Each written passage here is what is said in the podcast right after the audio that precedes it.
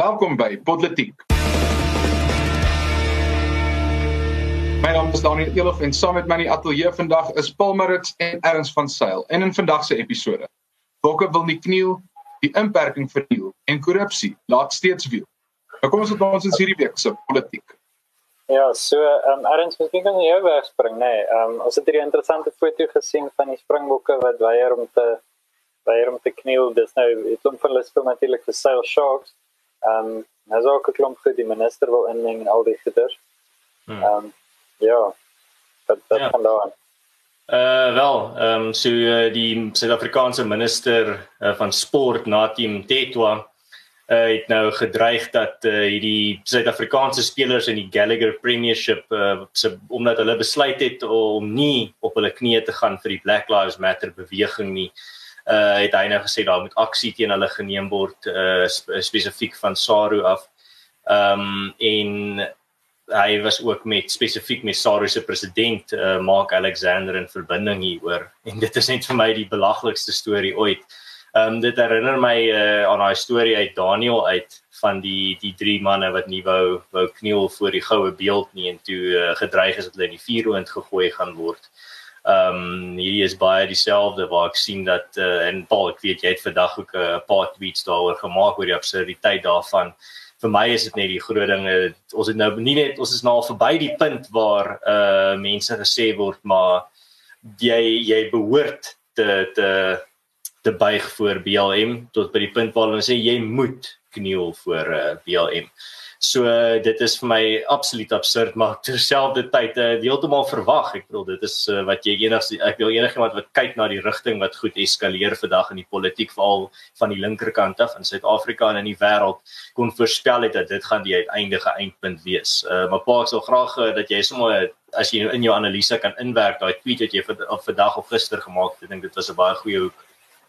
Ja, miskien Daniel net eers sy uh, sy inleiding gee en dan sal ek daaroor uh, uitbrei. Nee wat Paulus Klimmen, uh, dis 'n lekker gesprek hierdie. Gaan gerus, ek sal na jou gaan. So daar's 'n interessante ding in terme van in binne die teologie in terme van gewetensbinding en ek dink dis waar dis waar my my tweet in 'n mate gelê het. Is hierdie vraag op watter punt kan 'n regering jou gewete forceer? Want wat hier gebeur is onthou die rede hoekom die meeste mense nie kniel nie is 'n geloofsaak dat daar eksplisiet in die Bybel staan dat jy jy sal net kniel voor God. Ehm um, dis 'n hele ding nê. Nee. So ehm um, en en dit het ons nou gesien ons het e-, eerste in Amerika by Buffalo dit gesien by baseball soos dit in Engels bekend is dat daar ouens was wat nie gekniel het nie wat gesê het ons ons gaan nie kniel nie dis die, dis die ons geloof ons kniel voor geen mense nie ons kniel net voor God. En die beweging het natuurlik uitgesypel en en weier gegaan. En ehm um, ek ek vermoed natuurlik dat 'n klomp van hierdie rugby spelers mekaar gepraat het.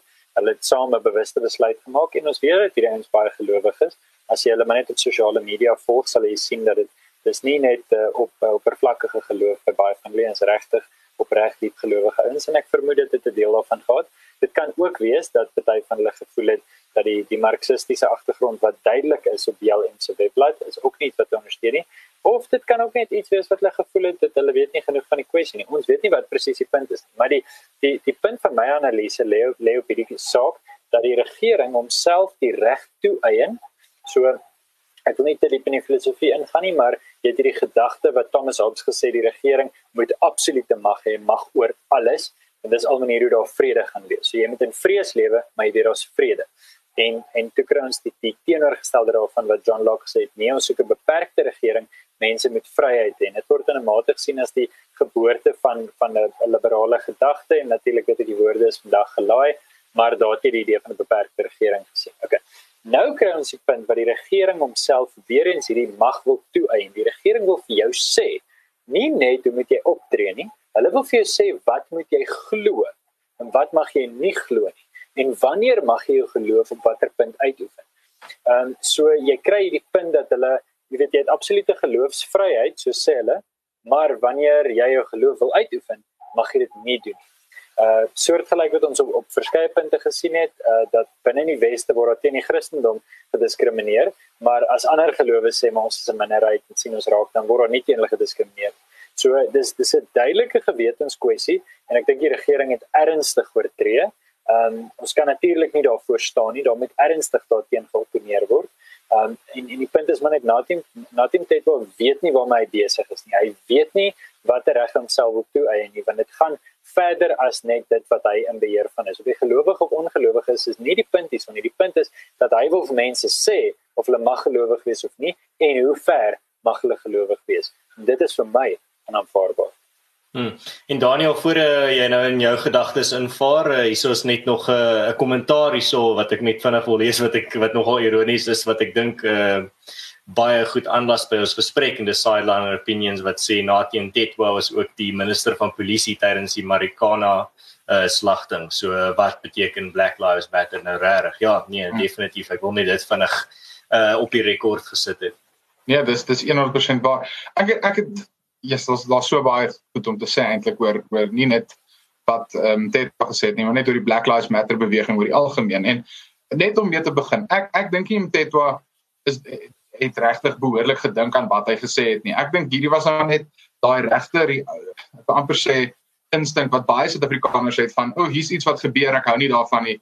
Die regering moet ondersoek instel." Baie mense dit, dis dieselfde uh uh houding wat mense het as hulle sê, "Ag, ons uh daar's 'n probleem in ons park, hierdie park is vuil" en dan sê hulle, "Ag, maar die die regering moet iets daaraan doen." En in die afsaak iets van met die voorkies die voorbeeld parkie dat die regering die munisipaliteit kry geld en hef fooie en tariewe en dit is verantwoordelikheid om dit te doen maar ons het 'n uh, ingesteldheid van soek vir hulp in plaas van homself te probeer die oplossing wees en en om oplossings buite die staat en die regering te vind.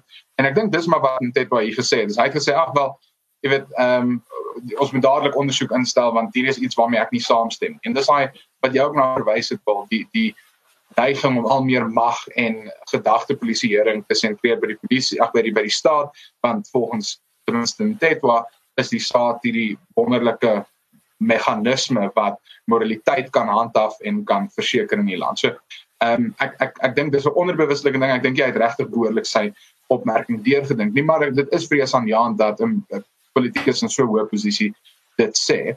Dan oor die oor die Black Lives Matter ehm um, beweging in die algemeen. Ek wil ons het nou die afgelope maand so baie daaroor gepraat van dat ehm um, die die hele ding regtig vlam gevat het met die betogings in Portland en uh, George Floyd se dood en dit dit regtig weer prominent geword die hele kwessie van Black Lives Matter maar die afgelope ruk is vir my baie interessant om op te merk dat daar is besig om weerstand te kom. Dis nie net in die sport van, dis nie net by die golfbalbane en die basketbalbane en die Amerikaanse voetbalbane nie. Dis nou gesien dat dit in die Verenigde Koninkryk gebeur met hierdie uh Suid-Afrikaanse spelers by die Cell Sharks. Ek self by die die SA en Cell Sharks staan definitief vir South Africa want daar's so vrek baie van hulle wat vir daai span speel. Maar dit dis meer as net dit. Daar's politici wat begin om te sê, wel ons moet dalk 'n onderskeid begin tref tussen die Black Lives Matter uh, beweging teenoor die beginsel van Black Lives Matter. Maar ek dink meeste mense saamstem. Ja, Black Lives Matter net soos wat alle lewens saak maak. Ehm um, en en baie keer en en Ernst Roots het ook daai punt vroeër vandag op Pretoria FM gemaak na gesprek waar ek geluister het wat hy gesê het mense moet ook versigtig wees om net te sê dis nie net Black Lives Matter nie maar All Lives Matter want daar's gevalle waar ons regtig glo daar moet spesiale klem geplaas word vir sekere lewens. Byvoorbeeld ek voel sterk daar moet spesiale klem geplaas word op vrouens in Suid-Afrika want daar's verskriklike geslagsgeweld in Suid-Afrika. Net soos ek voel daar moet spesiale klem geplaas word op ehm um, mense op plaas eienaars en werkers. Plaasaanvalle en moorde is 'n realiteit en dis verg en geniet of behoort ten minste spesiale aandag geniet. Maar die die punt is hierdie beweging gaan nie regtig daaroor nie. Uh, alhoewel die naam dalk so klink, dis soos die Nasionale Demokratiese Republiek van Noord-Korea. Demokraties is in die naam, maar dis nie regtig wat hulle beoog nie. En dis dieselfde met die Black Lives Matter beweging. Dit gaan nie oor gelykheid vir die BLM beweging nie. Dit gaan oor 'n marxistiese ideologie uh vestig. Dit gaan oor uh eintlik maar net 'n terugkeer na autokratiese stelsel na gedagte polisieering iets wat ons al vir jare in die geskiedenis gesien het en hier is nou maar net eintlik 'n nuwe manteltjie wat dit aangetrek het en dit self probeer vermom en mooi aantreklik verkoop aan die publiek. So ek ek wil ek wil twee vinnige punte maak. Die eerste een is baie keer sal sal 'n politiek luisteraar hoor ons praat van 'n sentrale regering en 'n regering wat mag in homself wil setel. En dan kyk ons na tegniese goeders. Ek bedoel al vier van ons werk tegnies met hierdie goeders en dis baie spesifieke punte, maar hier het ons eintlik die voordeel dat die politiek luisteraar dit nie netwendig baie nuus luister en nuus kyk nie, maar eintlik maar net dalk een keer 'n week politiek luister. Hierso kan jy regtig sien wat ons bedoel. Hier's wat ons bedoel as ons sê die regering wil alles beheer, insluitende wat jy dink.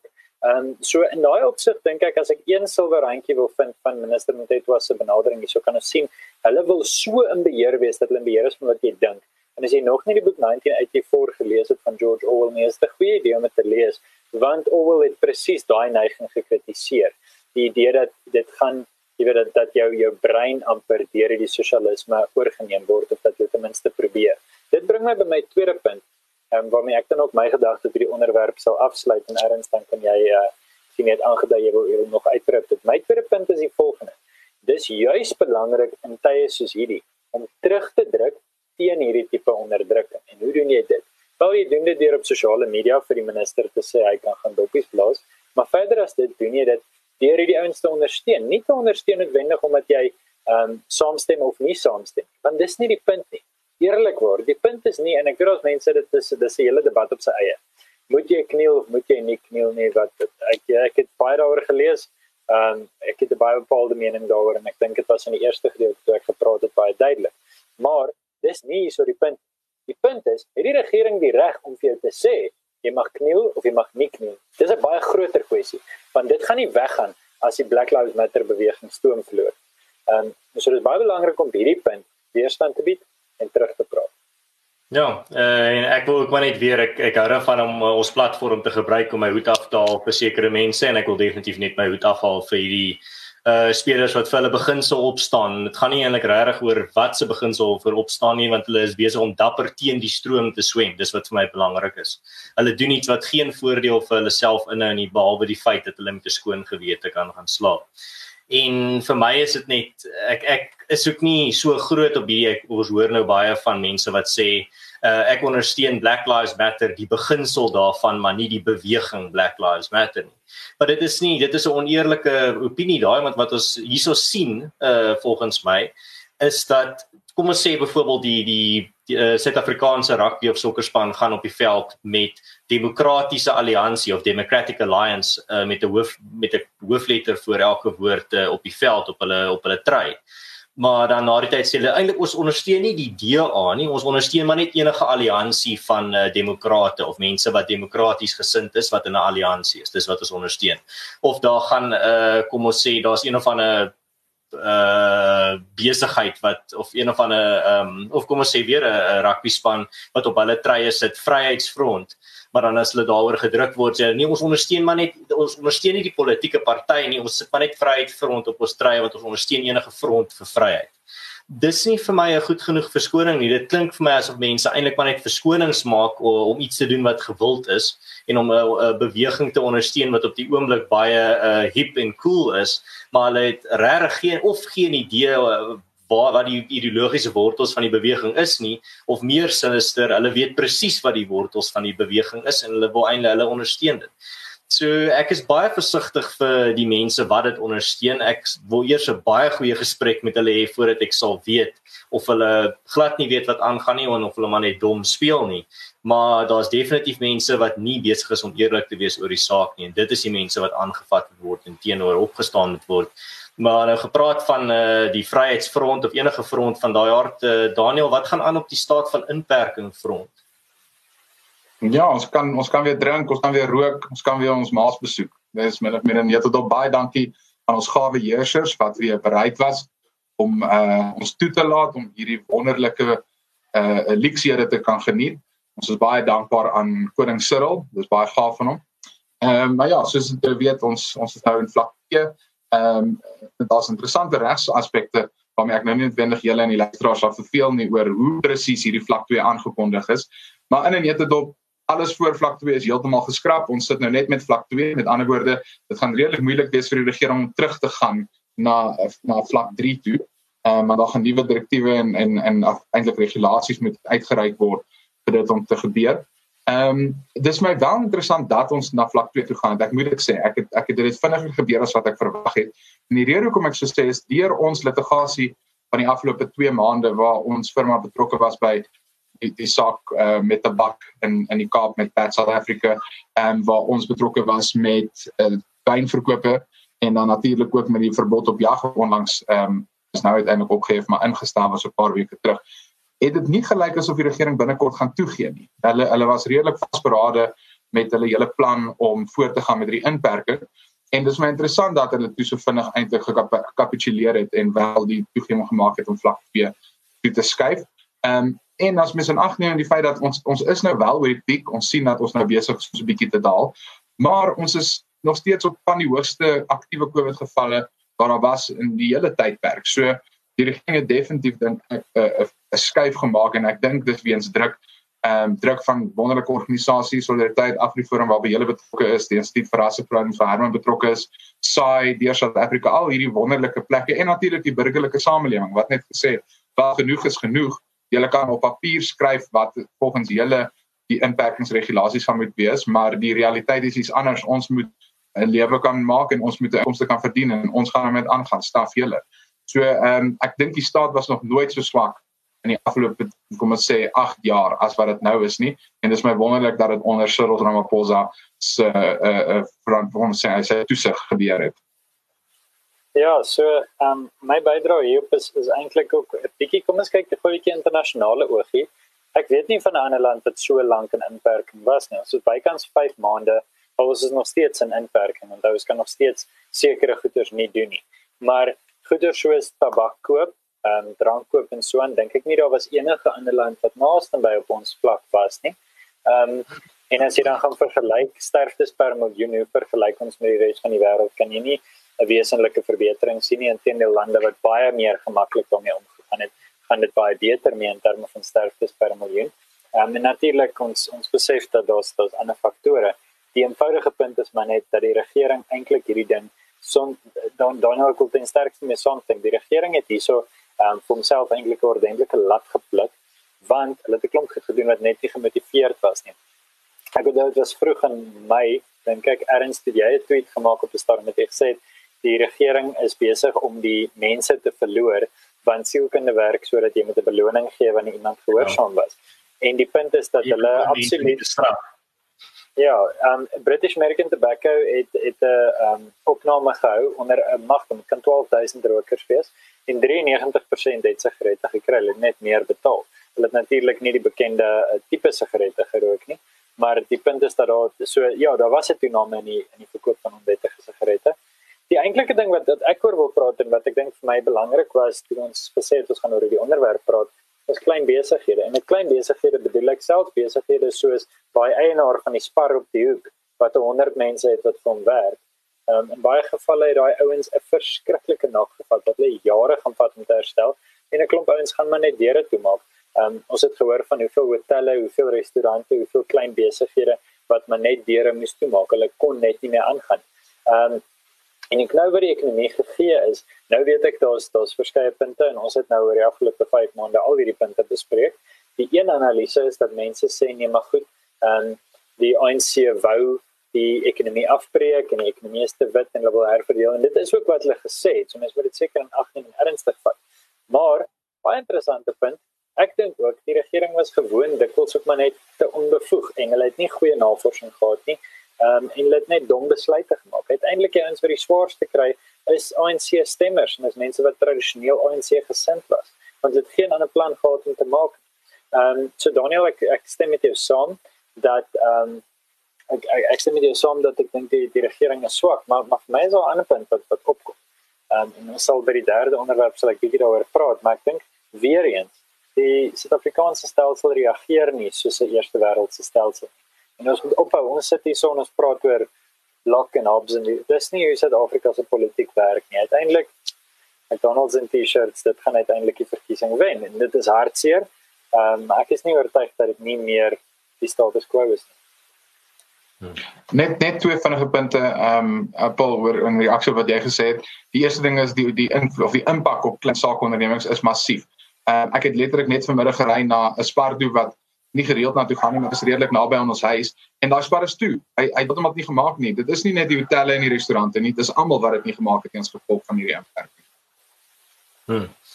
Ehm um, ja, so vir my is dit net ek het en ek dink dis miskien 'n lekker siening in retrospek op die op die staat van inperking. Ek het aan die begin in Maart het ek gesê nogal kontroversieel dat uh, hierdie uh, staat van inperking hierdie potensieel om die beste ding te wees vir die ANC wat nog ooit vir dit gebeur het want wat hy daai kon kry is eerstens uh, Cyril kan uiteindelik uh, hy kry 'n nuwe inspuiting in terme van Ramaphosa hy wys hy's 'n sterk leier 'n leier wat nie huiwer nie 'n leier wat sterk uh, aksie inneem wanneer sy land bedreig word. Hy nie hy uh, doen 'n paar baie oproerende toesprake en die media help hom daarin dit uh, om as sy PR span en dan uh, na die tyd dan is die ANC in 'n baie beter posisie as wat dit was en hulle kan die gesien word as die redders van die land.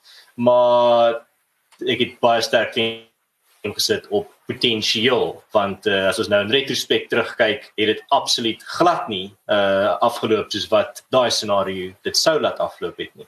Wat die ANC moes gedoen het uh van 'n nette propaganda perspektief is ek sou gesê dat hulle moet hulle 21 dae lockdown gedoen het daai staat van inperking baie hard en streng gemaak het en dan daarna die ekonomie stadig oopgemaak het. Dan het hulle 'n kaartjie waar hulle kan sê, "Maar kyk na ons strokie, ons het baie sterk standpunt ingeneem. Ons het drasties opgetree toe dit 'n groot gevaar was en toe het ons stadig aan die maar ook die ekonomie in ag geneem." En dan kan Cyril sy toesprake gedoen het en hy kon almal Ramaphosa sou aangegaan het. Maar ons het absoluut die teenoorgestelde gesien. Die ANC het heeltemal oorstrek. Uh, hulle het eintlik dronk geraak dronk geraak op hulle mag tot by 'n punt wat ons nie eens geweet moontlik is nie. Uh en hulle die die goue kans wat hulle gehad het vir 'n vir 'n propaganda wen uh heeltemal net by die trein afgespoel. Ek is eintlik verbaas met uh hoe effektief hulle was om uh hulle oorwinning uh om uh, uh hulle hulle verloor uit die kake van oorwinning te te gryp dit is vir my uh, nogal asemrowend om te aanskou. Hulle het definitief 'n talent daarvoor. So dit is my my staat van inperking in retrospek is dat uh, toe ek gesê dat dit kon potensieel 'n goeie ding vir die ANC wees, het hulle definitief na daai politieke episode geluister want hulle het toe absoluut die teenoorgestelde gedoen want hulle kan mos nou nie saamstem met iemand van AfriForum en hom reg bewys nie. Nee, ek ek stem dis saam. Ek ek, ek dink regtig dit dit beam my my punt wat ek vroeg het. Ek dink die staat is regtig swak na hierdie alhoewel hulle al meer mag gesentraliseer het en regtig uh, ek wil ja, sal net dan maar die belastingligte so goed probeer reguleer. Waarom moeder en watter TMD jy mag koop en en allerlei sulke nonsens. En ek dink daai absolute net net hoe absurd dit was. Het regtig mense al meer begin ja. laat die staat se mag en bevoegdheid bevraagteken. Maar bedoel die punt is daar's nog steeds skade. Ja, ja die die die burgers word dalk wakker en en die kappe word van hulle oë afhaal, maar daar's miljoene gesteel. Ek weet JP Landman 'n ekonom by een van die groot banke het hierdie week geskryf, maar nee, Cyril het het 'n wonderlike werk gedoen. Ons moet eintlik kyk na die goed wat hy bereik het. Ehm um, dan verwys hy nou na die aanstellings wat hy gemaak het en die mense wat hy afgedank het en allerlei sulke goed. Maar die punt is dis baie eenvoudig wat Cyril bereik het nog voor COVID, voor die ekonomiese ramp wat ons nou gesien het met die inperking, is 'n uh, 'n uh, rommelstaat is is SAL wat misluk, is beerdkrag wat hy in 2014 beloof het om om reg te stel wat nog steeds nie reggestel is nie. Ehm um, dis dis verla, verminderde internasionale beleggings. Ek bedoel dit dit dit reg raak regtig net al hoe swakker en slegter gesit en om die cash op op die koop te sit, het dit nou heeltemal die ekonomie kom vernietig sonder om enigsins die die kurwe wat hulle van gepraat het met COVID plat te maak. Ehm um, ek bedoel Suid-Afrika is die dink ek die 28ste grootste bevolking in die hele wêreld, die 5de meeste gevalle. Ons het die 18de meeste gevalle per capita. So ons ons is regtig absolute baanbrekers ehm um, met met COVID statistiek.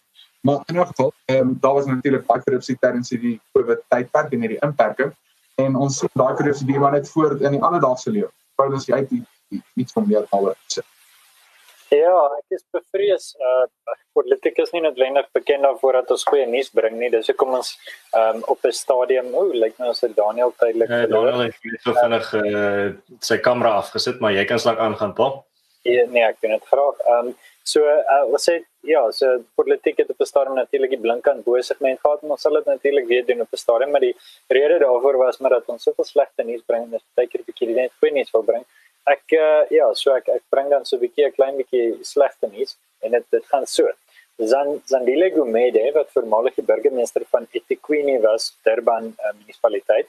Ehm um, sy is uh onlangs ingesweer as lid van die provinsiale wetgewer. Nou uh, sy sal reeds vir uh, korrupsie ondersoek uh en en sy is uit 'n posisie van mag uit verwyder. Nou word sy maar net teruggesit. En hier sien ding, dis nie net suiwer wat in hierdie manier hanteer is nie. Um ons het gesien dat ek gaan net gou die name hierso lees Florence Radzilani en Danny Nsiza wat albei in die WBS bankskandaal geïmpliseer is, is nou weer eens terug in leierskapposisies in die Limpopo provinsie. Um selfs met Nkosejani Speelman um en welkom. So wat die ANC vir ons wys is en onthou, onthou wanneer hierdie gebeur het. Hierdie het gebeur letterlik tydens die voetsek ANC veld. Wat wys hulle vir ons hierdie? Hulle wys vir ons hulle kan regtig nie minder omgee nie. Hulle kan nie omgee vir die land van hulle dink nie. Um, of dit of hulle is so stikken. Jy weet dis daai ding van 'n verslaafde wat net dit is so diep in sy aard, hy kan homself nie help.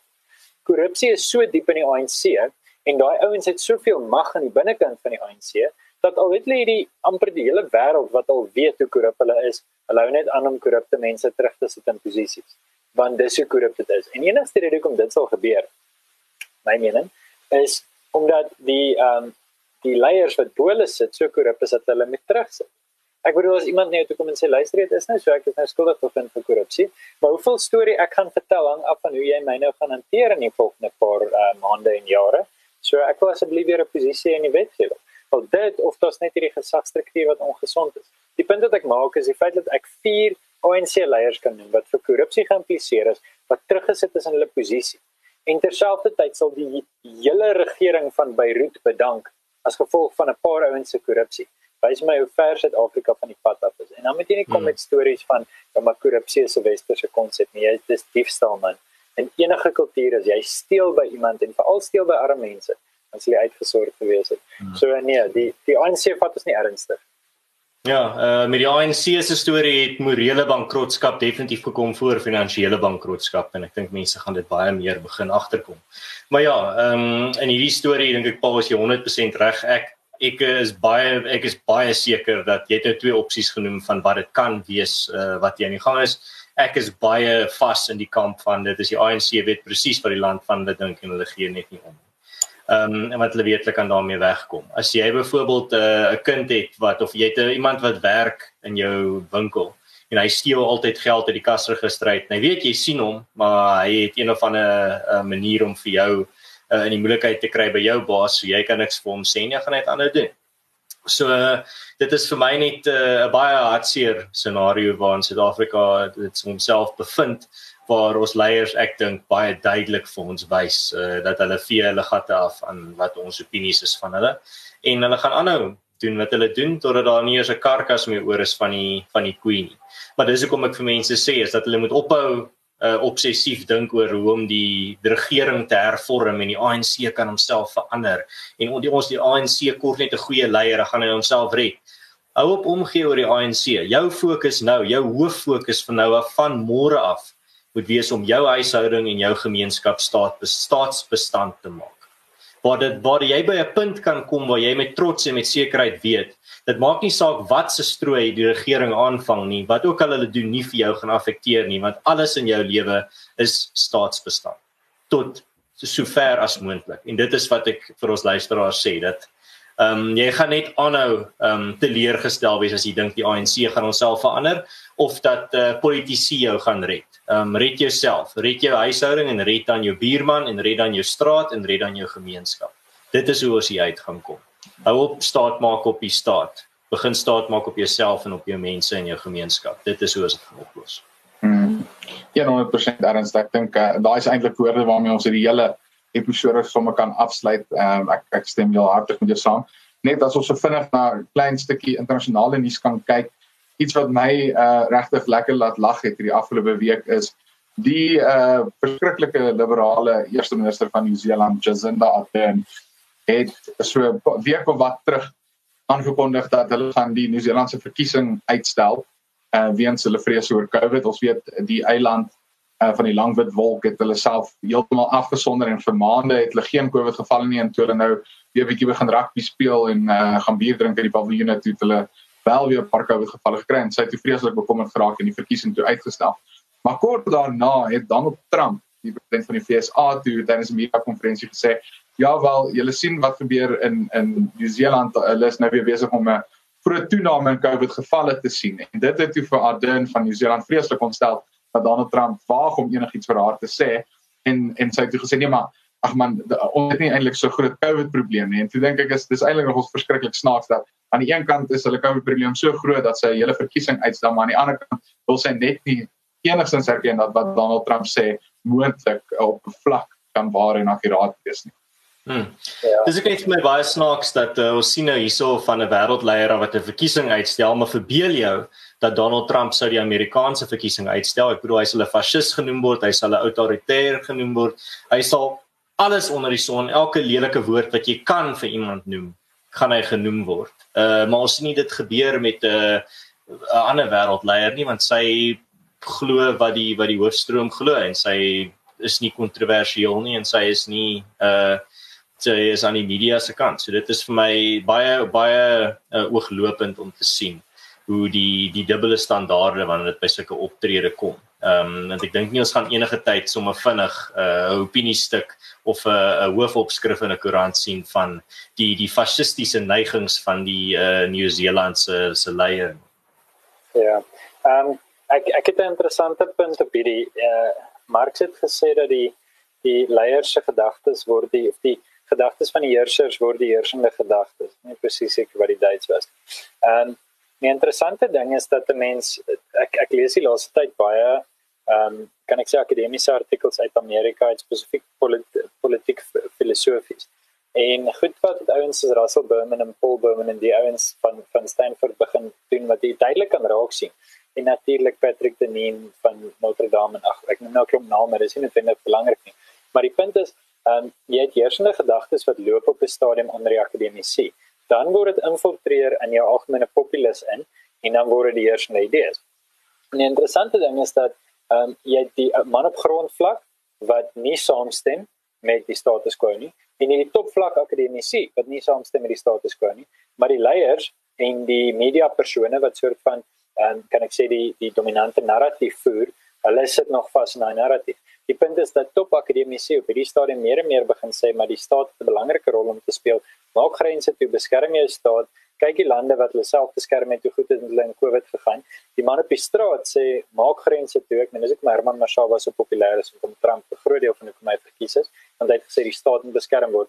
Maar jy sit met hierdie groep in die middel van die twee broodjie wat nog vashak in 1991 denke dis net 'n filosofiese oorweging wat wat ek het.